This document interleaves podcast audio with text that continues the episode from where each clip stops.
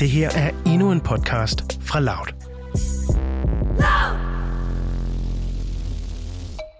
Herr præsident, jeg er 19 år, og jeg har det som om, jeg er død. Okay, det sner i Strasbourg i dag. Smukke snifnuk, de fyr hen over himlen. Jeg observerer dem, mens jeg sidder indenfor i varmen i min lejlighed, men de rører mig ikke. Sne er ellers skønt, når den daler ned og lægger sig i det brune hår, lander på børnenes tunger eller bliver mast mod frakken på en uforsigtig forbipasserende. Jeg smiler nostalgisk, men jeg har ikke nogen grund til at gå ud. Jeg skal arbejde. Det er jo det eneste, jeg har at lave, ikke? Det er det eneste, man beder mig om. Den eneste aktivitet, der er tilladt. Jeg er 19 år, og mit kontor er mit værelse. Det er også her, jeg hviler mig, ringer, ja, nogle gange er det endda mit køkken. Alting bliver blandet sammen inde i mit hoved. At komme hjem efter en dags undervisning er ikke længere noget, der gør mig tilfreds, for klassen er i mit værelse, og mit værelse er mit klasseværelse. Virkeligheden, her præsident, er, at jeg ikke længere har nogen drømme. Alle mine projekter falder sammen, et efter et, i samme tempo, som min moral går nedad. I starten var det sjovt, i starten var det nyt, det kom jo ikke til at vare så længe, tænkte vi, så vi var klar til at være solidariske, selvom vores andet semester faldt fra hinanden, og vores venskaber smuldrede. Men stop nu, det er ikke længere noget, der er sjovt. Man kan relativisere et stykke tid, men vi er ikke maskiner. I kan ikke bare bede os om at arbejde og holde mund. De franske studerende er virkelig hårdt ramt af coronapandemiens nedlukninger, og det brev, jeg lige læste op fra her, det er bare et af mange opråb, der er kommet til landets præsident Emmanuel Macron.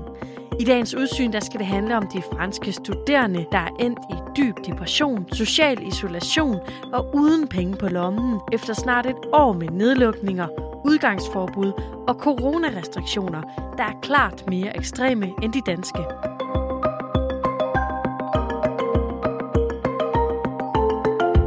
Det her er Udsyn med Sofie Ørts. Det er altså ikke bare et forkælet problem, det er virkelig et reelt problem. Man har altså nogle hele årgange af, af unge her, som er, er meget deprimerede, og det giver sig simpelthen udtryk i, at for det første er der pludselig rigtig mange, og mange flere end der plejer, Øh, der dropper ud. Øh, der har været en stime af selvmord og selvmordsforsøg. Øh, så sent som i sidste uge var der to studerende, der kastede sig ud af vinduet. Heldigvis lykkedes det ikke for dem, men altså, det er jo et skrig om hjælp, kan man sige. Der er lavet nogle store meningsmålinger, hvor det også viser sig jo altså, at, at helt op til 30 procent har haft selvmordstanker eller tanker om at skade sig selv og 40 procent erklærer sig for egentlig ret deprimeret. Øh, så det er sådan en kombination af, af håbløshed og så social isolation, øh, så de ligesom ikke kan komme ud af det igen. Det her er Louise Sandager, der er journalist og bor lige uden for Paris med sin familie. Og hun har efterhånden boet i Frankrig i 24 år. De seneste par dage der har hun talt med en række unge franske studerende. En af dem det er Colline Recon.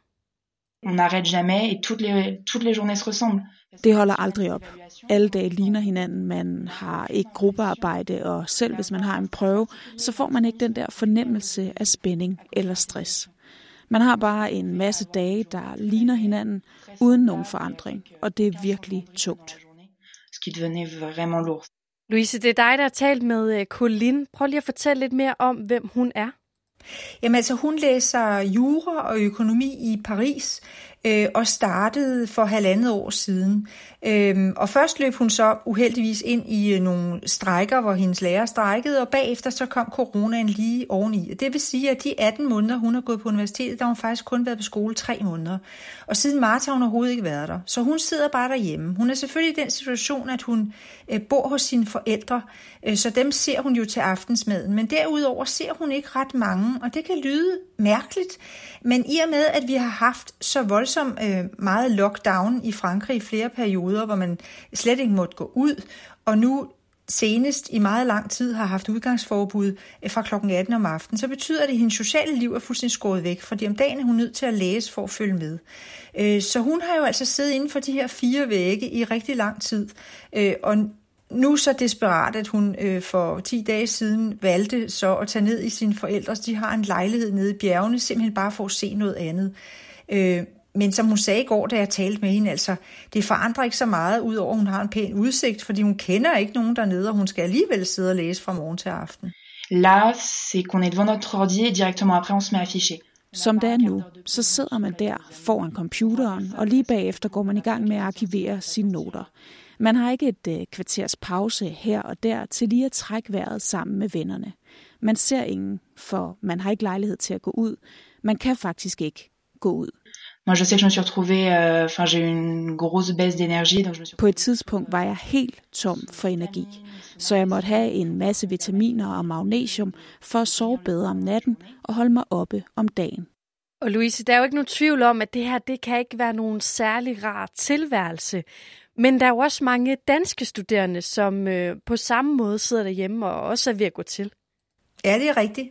Men man kan ikke sammenligne de franske og de danske studerende i den forstand, at i Frankrig er rigtig mange universitetsuddannelser og uddannelser på de videregående øh, institutioner i det hele taget, de er betalende. Det vil sige, at man betaler et eller andet sted mellem 9 og 13.000 euro om året for at gå der. Og derudover skal man selvfølgelig leve. Og så er der ikke nogen SU i Frankrig. Og det betyder, at, øh, at rigtig mange unge jo øh, som udgangspunkt øh, er ret økonomisk trængte, øh, fordi de først og fremmest skal betale deres uddannelse og derefter betale for at leve. Og hvis ikke de lige har nogle rige forældre, jamen, så må de tage nogle studielån, eller de må arbejde. Og det betyder, at de har slet ikke de samme udfoldelsesmuligheder. Øh, derudover så er mange franske øh, universitetsstudier meget, meget hårde, altså hvor man læser fra morgen til aften. Og det betyder, at de, at de både økonomisk øh, og også socialt er trængte, for når de så ikke længere kan se deres kammerater, de kan ikke gå på skole, de kan ikke møde deres lærer, de kan ikke være i læsegrupper, jamen så er der ikke andet tilbage end bare at sidde derhjemme og knokle. Og når man så ovenikøbet købet ikke har særlig mange økonomiske midler, øh, så bliver det altså presset. Og der er især en gruppe af de franske studerende, der er særlig hårdt presset af restriktionerne på grund af økonomien. Det er jo sådan i Frankrig, øh, og det snakker vi rigtig tit om, når vi, øh, når vi rapporterer fra Frankrig, det der med, at der er store sociale skæld. Øh, og det er klart, at, øh, at de studerende, som bor alene, langt fra deres familier, øh, og hvor familierne økonomisk ikke kan bakke op, fordi de simpelthen ikke har råd til det, de er hårdest trængt i øjeblikket. Altså hvis man bor hjemme hos sin mor og far, så kan man være træt af dem, og man kan være træt af familien, men man har trods alt en kontakt hver dag. Det er helt klart, at mange af dem, øh, som bor øh, i Paris for eksempel på bitte små øh, humre, kan man sige, fordi det er meget dyrt at lege et værelse i Paris, så de bor småt, måske på 7 eller 8 kvadratmeter helt op under taget, og de har 500 kilometer ned til deres familier. Øh, jamen, de har ikke ret mange muligheder, end at bare sidde der inden for de samme fire vægge dag ud og dag ind.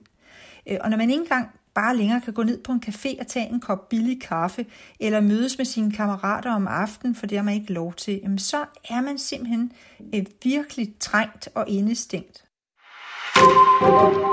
Da Frankrig i første omgang blev lukket ned, så hørte man ikke særlig meget fra de studerende.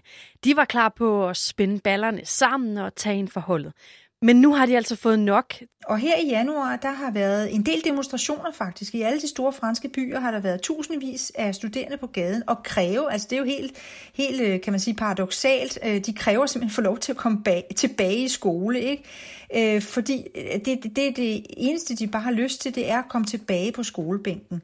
Øh, og samtidig var der så en, øh, en studerende fra Strasbourg, som i sidste uge skrev et åbent brev til Macron, og det gjorde faktisk indtryk på alle, fordi hun skrev jo bare øh, fuldstændig øh, råt øh, og brutalt, hvordan hun havde det.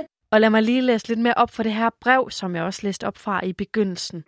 En studerende kastede sig sidste uge ud fra 4. sal i Lyon. Det er sådan en oplysning, der passerer forbi. En simpel beklagelig effekt af en verdensomspændende pandemi.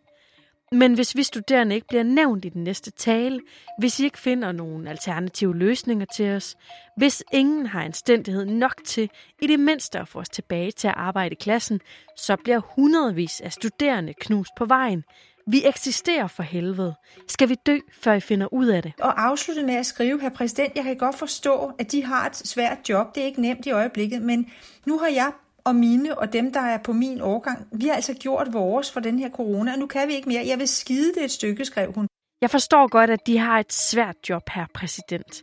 Men for en gang skyld, så tænker jeg på mig selv, på os, og jeg skider på solidariteten. Vi har gjort vores. Giv os nu en del af livet tilbage. Bedste hilsner, Heidi Supo. En levende død. Så der er den her op, oprørsstemning nu. Og det er måske meget godt, kan man sige, fordi så øh, sker der noget. Den franske præsident Emmanuel Macron han har nemlig reageret på øh, de franske studerendes opråb. Det var han simpelthen nødt til. Altså han er op imod nogen, som også er vælgere, og det er deres forældre også, så han er nødt til at reagere på det her. Og samtidig med hendes brev var han også ude og besøge et universitet og møde de her studerende. De gik op for ham, altså det, det er faktisk et alvorligt problem. Så han øh, ret hurtigt, ret akut, er han kommet med nogle løsningsforslag og nogle foranstaltninger, som simpelthen skal gøre deres liv bedre.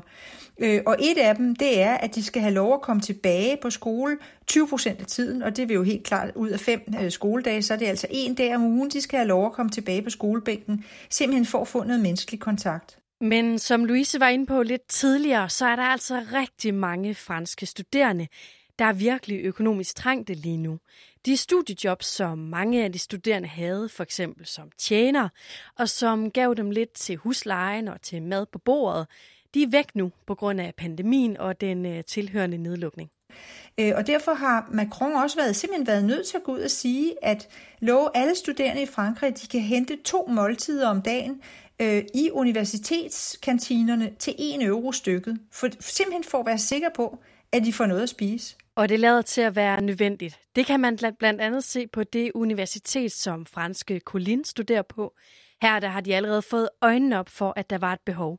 Og derfor så har de simpelthen lavet en ordning, der sørger for, at de mest udsatte studerende de får en håndsrækning, så længe pandemien den spænder ben for hverdagen.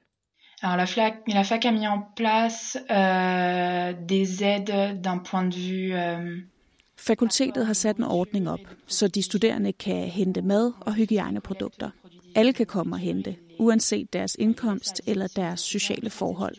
Det er ret godt organiseret, fordi folk faktisk udviser solidaritet. Der har været en indsamling, og alle har givet noget, men det er kun dem, som virkelig har behov for det, som kommer og henter. Der er ikke nogen, som udnytter situationen. Et seuls ceux qui en avaient vraiment besoin venaient les chercher. Il n'y a personne qui venait profiter de l'occasion.